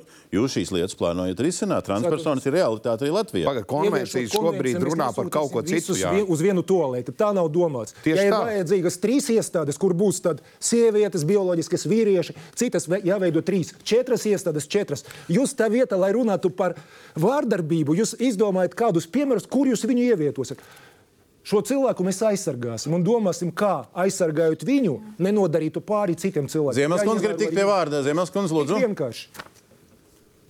Jautājums ir, ir vietā un piemērs ir ļoti labs. Tātad tas, kas izriet no konvencijas, protams, primāri konvencija vēršas pret vardarbību, pret sievietēm struktūrālu vēsturisku iemeslu dēļ stereotipi tā ir nostrādājuši. Un arī aizsargā bērnus un, un, un tātad eh, ģimenes. Bet eh, preambulā, un tāpēc es arī visu laiku viņu uzsveru, preambulā ir atzīts arī tas, ka vīrieši arī cieš no vardarbības. Nu, teiksim, arī sievietes mēdz eh, šādi varbūt parādīt, pavicināt tās savas dūris. Ja? Un? Tas norāda uz to, ka tik tiešām jebkurš vardarbības gadījums un visi tie instrumenti, kas ir konvencijā, tā ir visaptveroša sistēma. Mums jāpārbauda Latvijas attiecībā pret to, vai mums kaut kas tāds ir. Bet šie instrumenti visi jāliek ir vietā, lietā, tad, kad ir vardarbības gadījums. Jā, tā var būt dzīvē. Mēs katrs esam uh, unikāli un atšķirīgi. Un, protams, arī dzimumu identitāte tādu vai citādu iemeslu dēļ dzīvē var mainīties. Nu, man ir lietas bijušas tādas Eiropas cilvēktiesību tiesā. Un tad šis jautājums tik tiešām var būt. Un ne tikai tas ir bezkundze, ko jūs uzdodat. Tur ir virkne citu jautājumu, kas parādās, tad, kad ir uh, konstatēts šis dzimumu identitātes uh, maiņas fakts un ir iz, iziet varbūt terapija un tā tālāk. Nu, un tad, jebkurā gadījumā, attiecībā arī uz maiņas situācijām, vardarbība ir jānovērš. Kādos, eh, teiksim, telpās un tā tālāk, tas ir katrā konkrētajā gadījumā jārisina, neatkarīgi no tā, eh, vai, vai Stambulas konvencija, teiksim, kopumā kaut ko nosaka vai ne. Jebkurā gadījumā jau šobrīd Latvijā arī šādos gadījumos attiecīgajām iestādēm ir jārēģē. Mums ir jābūt politikai patiesībā, kur cilvēki ir apmācīti, kā rīkoties tādos Bet, gadījumos. bet Ziemasskungs, uz, Nu, kā šī, uz šī fona, tad, ja mēs virzamies uz, uz- uz sarunas no, noslēdzošo daļu, un atceroties to, ko jūs sākumā teicāt, ka uh, tas, ka deklarācijā ir ierakstīta atsauce uz nacionālo likumdošanu, tas nepalīdzēs. Tā jūs, tā jūs pateicāt. Ja? Un, un ja mums šī deklarācija pie, uh, piesauc gan satversmes vērtības, principus un normas, nu, kuri visi laikam nav vēl iztulkoti satversmes tiesā, baidos, kā, gan piesauc, ka sociālais dzimums, uh, ar ko viņš ir saistīts, ar ko nav saistīts, uh, ar kādas izpratnes ieviešanu par dzimumiem un, un, un kādas tiesības, izglītības, kādas tiesības un izglītības sistēmā, ko uzliek vai neuzliek par pienākumu. Tad kā iznāk Zemelskundze? Vai tad šī deklarācija, ja tas nepalīdzēs, bet tagad pasniedz koalīcija, ka tas dod kaut kādu pienesumu? Vai šī deklarācija nav kaut kāda nu, publikas mānīšanas turpināšana? Ziniet, kā ir? Ar šo deklarāciju ir tā, ka, protams, tas, ko Latvijas likumdevējs mēģina darīt, ir skaidrot tātad terminus. Tas, tas būtu normāli. Ja? Terminus, kuri ir izraisījuši daudz diskusiju, un ne tikai Latvijā. To Nu, vienu terminu, ja mēs esam precīzi. Jā, eksperta komisija to ir atzinusi, un ir Eiropas padomē notiek dažādas eh, tā, tālākas diskusijas par to. Tātad Latvijai, protams, ir visas tiesības balstoties konvencijas izstrādes materiālos, balstoties citā uh, relevantā informācijā, šādu skaidrojumu sniegt. Es jums nedošu tagad uzreiz atbildi, cik korekti tur viss ir noformulēts, bet tas, ka jēdzienam sniegt interpretāciju uh, var, uh, tas ir korekti. Tas, kas notiks, um, tas interesantais būs, kā noreaģēs pārējās uh, Eiropas Padomas dalībvalstis uz šo deklarāciju. Tas rezultāts, to rezultātu jūs redzēsiet tad, uh, vai būs iebildes no citām valstīm, vai Jū, nebūs. jūs pieļaujat, ka iebildes var būt. Neskatoties uz to, ka te ārlietu ministrija raksta un komisijā runā par to, ka Horvātijas piemērs, reku, mēs darām tāpat kā Horvātija, viņiem neko neiebilst. Uh, Tātad, ja es paņemu Ukrainas uh, piemēru, kura arī bija atsauce uz uh, Ukrainas konstitūciju un Ukrainas konstitūcijā ietvertajām vērtībām, tad jūs redzat, ka ir virkne iebildes no vairākām ziemeļvalstīm, teiksim, no Austrijas par to, ka šāda atsauce uz konstitūciju, kur ir absolūti eiropeiska un tā tālāk, bet viņa neiedarās starptautisko tiesību, teiksim, līguma tiesību procesā. Un, un, tas un es Ziemasskungs, tagad šī ir ļoti svarīga vieta. Un kas no tā, ja citas valstis iebilst mūsu kopīgajā Eiropas telpā pret mūsu deklarāciju? Nu, eh, proti, ja iebilst, tad, eh, kā jau teicu, tai deklarācijai līdz ar to šo valstu attiecībās faktiski nav nekādas nozīmes. Um, un, tas, cik korekti katra valsts sagatavo deklarāciju, gan ņemot vērā um, tātad, iekšējo ratifikācijas procesu, gan ņemot vērā starptautiskās līgumtiesības, tas, cik korekti mēs nonākam līdz tam rezultātam, tas, protams, arī parāda kaut ko nu, teiksim, par mūsu zināšanām, par mūsu spējām un tā tālāk. Un cik mēs uh, labticīgi ieejam uh, šajā, šajā līgumā. Labi, paldies, tev komentāri. Es saku ar to labu ziņu, ja tad ir atrunāts, ka to var denoncēt. Nu, proti, atsaukt. Ja kāds kādam būs iebildumi, un mēs saprotam, ka nu, viņi nepieņem mūsu paziņojumus, un mēs nevaram izpildīt, vienmēr var atsaukt. Tad līdz ar to nav pamata uztraukties. Tas ir viens. Otra lieta, kāpēc deklarācija ir vajadzīga? Konvencija ir laba, bet mūsu iekšēji strīdi pastāv un vairākiem Politiķiem ir svarīgi tieši precīzi pateikt, kā mēs to saprotam. Būtībā tā ir iekšējais apņemšanās, ka to mēs ievērosim, un tā ir mūsu pozīcija. Un tas ir ļoti labi. Ir cits Ko tas, bet drīz es pabeigšu, ko tas nozīmē praktiski. Mēs saprotam, kāds ir 14. saimas sastāvs. 15. saima būs cita deputāti. Un tad, ja kāds, pieņemsim, mēģinās kaut ko virzīt, kas nesaskan, tad var paņemt deklarāciju un teikt, mēs parakstījām to, ņemot vērā to, un neko grozīt nevar. Tas būs arguments. Un es tiešām vēlreiz gribu uzsvērt, tas nav, šeit nav nekā kaitīga, no kā ir jābaidās. Rasberkungs? Uh, principā, skatoties arī uz šo te 78. pantu par šīm atrunām, par ko mēs tagad runājam, ir skaidrs, Par ko var, par ko nevar atrunāt? Kad, uh, kad nevar izdarīt atrunas, izņemot tos piecus pantus. Bet uh, šajā te jau nav runāts atrunas. Izņemot, es Nē. atrunu redzu, ka uh, iekļautais termins sociālais dzimums nav saistīts ar pienākumu ieviest kā citu izpratni par dzimumu sievieti un vīrietis. Tad man ir jautājums. Nu, tā skanētu tā kā atruna. Ja, ja, ja, šie te, uh, Par ko jūs, sakat autori nē, īsi lūdzu? Teiktu, ka uh, tomēr ir citai izpratnē. jā. Ziemasskungs, Bet kas ir atruna, kas nav atruna? nav atrunas. Nu, pilnīgs muļķības. Ziemasskungs? Nē, uh, šī jēdziena skaidrojums no, Latv...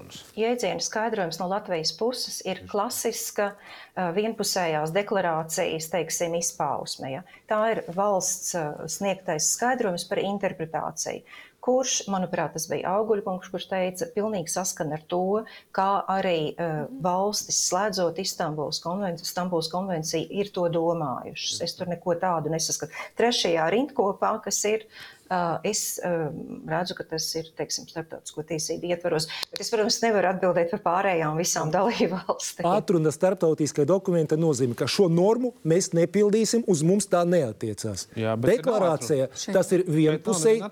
Deklarācija tas ir vienpusējs paziņojums. Latvija pievienojas konvencijai, vienlaikus uzsvērot, ka konstitūcija ir svēta lieta, attiecību uz dzimumu mēs saprotam Bet tā un tā. Dalībvalsts var iebilst. Jā, bet, bet, bet ja, ja, ja, ja konvencijā ietekmēt. bioloģiski ir sieviete un vīrietis, un mūsu atruna saka, ka bioloģiski ir sieviete un vīrietis, mūsu atruna, deklarācija. pretrunas. Mūsu deklarācijā nav pretruna ar konvenciju jau tā, līdz ar to tur nevar ne par ko iebilst, tāpēc ka viņa atbilst absolūti konvencijas. ka ir absurda jēgai. situācija. Konvencija ir pietiekama, viss ir skaidrs. Daži iebilst, nu labi, lai jums nebūtu šaubu, mēs jūsu valoda vienkāršiem vārdiem rakstam, ka šeit riska nav. Ierakstīt, kāpēc jūs to rakstat? Nu, lai jums būtu skaidrs. Tas, tas, ko mēs arī darījām, mēs izgājām cauri jau visām tām de deklarācijām, kas no citām dalību valstīm ir bijušas. juridiski korekti, lai mēs uh, mazinātu tās iespējas, ka kādai dalību valstī būtu uh, būtu kaut kāda būs, kaut, tā būs. Kaut kāda iebilde, jā, tas būtu. Bet tas ir galvenais, to, ko saka arī Judina kungs. Nāks nākamā saima, nāks tur, nezinu, Nacionāla apvienība, ka mums ir vienzimuma laulības jāievieš. Kamēr ir šī saima? pateiks, ka tā nedarām. Kamēr ir šī saima, vai jūs savās frakcijās vispār esat izvirzījuši versiju? Ko mēs tur nemanām. Nu, mēs vispār kaut kam piekrītam, kaut kādas lietas ir vajadzīgas, ir svarīgas, tikai jābūt skaidrām interpretācijām ka ir tāda deklarācija, kas visu nointerpretē precīzi, un tad varam ratificēt. Nav, nav variantu. Neredzat. Mēs saskatām risku šo gender ideoloģijas uh, tūri pavēršanu plašāk. Un, uh, tas ir tas, ko mēs saskatām. Un es domāju, ka uh, ar atrunām to nevar, nevar atrunāt. Ar interpretācijām, ar, jā, ar skaidrošanu.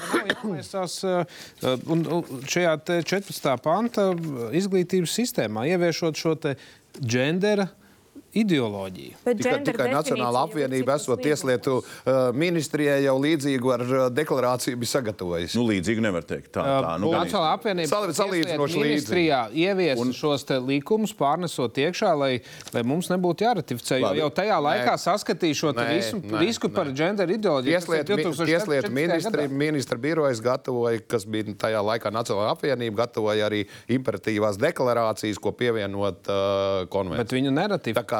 Kungi, jūs protat strīdēties šo visu cieņu. Visu cieņu Matsons kundze apvienoties saraksts redz līdzīgi. Apvienoties saraksts noteikti atbalstās vislabās lietas, kas ir konvencijā. Varētu teikt, ka tie ir 97%, bet mēs saviem vēlētājiem esam solījuši, ka mēs neatbalstīsim konvencijas ratifikāciju, un mēs pie tā arī paliekam. Piesolījumi vēlētājiem. Es gribu noslēgumā tagad mēģināt nu, to bišķiņ pa, pa, paplest platāk un skatoties starp pret un par un to, kas valstī, un to, kas sabiedrībā, un to, kas vardarbība. Uh, Kāds jūs redzat, nu, katra no savas skatu punkta, bet tomēr tas ir pa vienu un to pašu valstu un sabiedrību.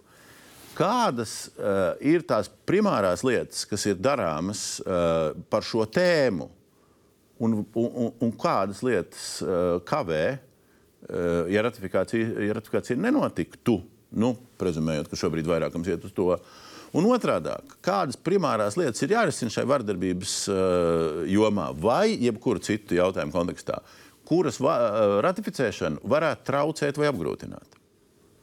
Ratificēšana ievieš pilnīgi jaunu veidu problēmas, kuras bija latentā formā. Jā. Uh, Ja, nu, ja konkrēti? Šī, jā, nu, nu, jau visas pieminētās. Jā. Konvencijas teksts ir sarakstīts 2011. gadā. Tur jau laiks ir pagājis. Ja viņš būtu rakstīts šodien, ja viņš būtu rakstīts šodien, viņš būtu tīrākā vīru teorija. Tas ir aizvirzījies vēl stipri tālāk uz priekšu. Un kā mēs to zinām? Tikai nejauši atklāja, ka skola 2030 materiālos, ko, es, ko sagatavojas Valsts izglītības satura centrs, ja, tur jau ir pilnīgi noārdīts bioloģiskais dzimums. Tas ir tikai cilvēka pašidentitāte. Un tas ir iekšā materiāliem skolā. Tā ir centrālā problēma. Mēs tā kā dzenamies, dzenamies pakaļ ja, nu, vilcienam, kas lēnām aiziet, ja, un konservatīvie mēģina viņu vienkārši kaut kā bremzēt. Tas ir, kas ir lietas, kas būtu nu, primārā lieta, varbūt jūsuprāt, ko bremzējot šādu lietu, būtu jādara pat, ja jūs viņu nobremzētu pilnībā risinot tās vardarbības problēmas, vai risinot jebkādas konservatīvās ideoloģijas lietas šajā kontekstā. Vienīgais, kas ir saistīts ar vardarbību, fizisku vardarbību, ir, ja tas nepieciešams. Es nezinu, par to nekad nerunāju, ja, jo tas it kā nav aktuāli. Vai? Iespējams, kaut ko uzlabot krimināla likumā, krimināla procedūrā, ziņošanā un monitoringā. Tajos pāros ģimenēs, kur ir fiziska vardarbība, mm -hmm. ir labi dati, ka viņiem palīdz konsultācijas monitorings, nevis runāšana par struktūrālo vardarbību pret sievieti, kur veids vīrieši. Šis pēdējais, tas bija pareizi vai arī tam jūs nepiekrītat? lekciju par visu, ko mēs varam darīt Latvijā vardarbības apkarošanas jomā, un tas ir ļoti daudz ieskaitot sākt strādāt ar emocionālo vardarbību, kur joprojām pēc tagadējā krimināla likuma pielikuma mums nav nevienas lietas, kas ir aizgājušas par emocionālo vardarbību. Nav vainīgs likums, ir vainīgs kas? Ir vainīga arī prakse, kā mēs to ieviešam. Tāpēc, ka mums ir likumi, viņi patiesībā ir daudz labāki nekā citās valstīs. Bet mm -hmm. jautājums ir par to, ka mums nav labas starpinstitucionālās sadarbības. Mums nesadarbojās sociālie dienesti ar policiju, ar prokuratūru, ar probāciju tādā līmenī, kādā tam būtu jābūt, lai mēs tiešām efektīvi varētu palīdzēt katram cietušajam, aizsargāt no tā vardarbības veicēja, uzraudzīt to vardarbības veicēju. Un tās visas lietas ir bāzē un pamatā šai konvencijai, un konvencija šeit var tikai palīdzēt. Viņa nav burvju noņa, kā jūs teicāt, bet viņa nepatraucēs palīdzēt realizēt šīs lietas. Un šobrīd arī milzīgs darbs notiek pie vardarbības apkarošanas plāna, piec gadu, kas no nākamā gada stāsies spēkā. Un tur arī mums ir virkne dažādām prasībām, ko mēs paši kā organizācija esam izvirzījuši, kas ir jādara. Bet tas viss ir saskaņā arī ar konvenciju. Viņi mums tikai dos labu un palīdzēs. Ziemeļskundze, kas ir jūsu rezumē, kas valstī un sabiedrībā būtu tas primāri darāmais, ja mēs nerunājam tikai par dokumentu? Es neteikšu papīru, es teikšu dokumentu, bet tomēr tikai dokumentu, kas saucas konvencija. Uh, Ziniet, šajās visās diskusijās es domāju, ka tā cilvēku grupa, kurā ir visleģitīmākās tiesības paust savu viedokli par to, vai Latvijai vajag ratificēt konvenciju, ir tiešām sievietes, kas ir cietušas no vardarbības. Un arī citi bērni, vīrieši, iespējams, kas ir cietuši no vardarbības. Un es līdz ar to ierosinātu Judina kungam, iespējams, juridiskajā komisijā tiešām uzklausīt lūk, šo, šo grupu. Es zinu, ka mums ir sabiedrībā pat tāda situācija, ka cilvēki, kas ir tiekuši no vardarbības, ne visi to arī atzīs, ka viņi ir cietuši no vardarbības. Un tas, manuprāt, parāda to, kur mēs esam. Bet nu, tiešām mēģināt uzklausīt cilvēkus, kuriem šī konvencija ir uh, rakstīta un kuriem mums vajadzētu uh, gribēt palīdzēt. Un Labi, pavisam īsi, Ziemasskunds, vēl viens jautājums. Te publiskā telpā burtiski vakar izskanēja jautājums, vai tiešām ir tā, ka par šo likuma projektu saimā, kas ir starptautiska līguma ratificēšanas likuma projekts, vai par viņu nevar taisīt, iniciēt referendumu. Nacionālās apvienības priekšsēdis te izmet, ka juristi, juristi vēl strīdoties. Iedodiet sa, konstitūcijas ietvaros. Var vai, vai nav ne, par ko strīdēties? Man, manās, manā interpretācijā satvērsmes uh, Stambulas konvencija tik tiešām kā starptautisku līgumu nevar eh, kā tādu nodot tautas nobalsošanai, tas izriet no satversmes sistēmas.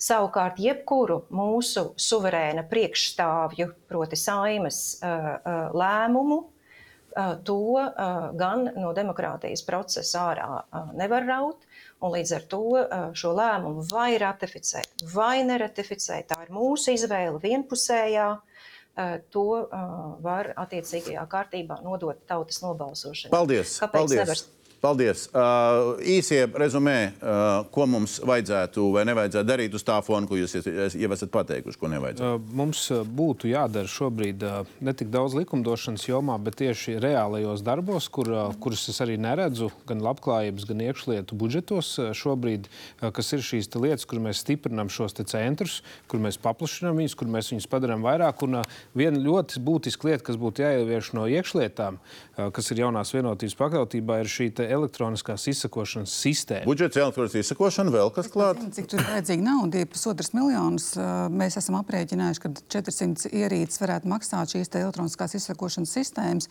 Un noteikti darbi, nevis vārdi, darbi, nevis dokumenti. Šobrīd tikai vārdi. Augaļkungs darbi. Nu, Kučinskim droši vien bija iespēja jau bija iekšlietu ministram būdot visas tās izsekošanas arī, arī iepirkt, bet nu, deputāti rītā skata pirmā lasījumā budžetu. Visdrīzāk vajag iema, iepazīties ar bu, budžetu, kas attiecās attiecībā uz vardarbību. Nekad nebūs pietiekami, bet, protams, tie jautājumi kopumā uh, budžetā. Prioritāri mēs arī risinām un arī nākotnē šos jautājumus risināsim par visiem atbalstiem. Nu, tas droši vien budžeta debatēs. Vardarbībā cietušajiem. Budžeta debatēs mēs to vēl redzēsim. Jauni centri nākošais gads būs kādi jauni centri. Katra, pašvaldība, katra pašvaldība deinstitucionalizācijas ietvaros šobrīd pabeidz iepriekšējā plānošanas periodu. Uh, ir uh, bērnu fonds, kas ar saviem vardarbībā cietušajiem centriem atsevišķi strādā.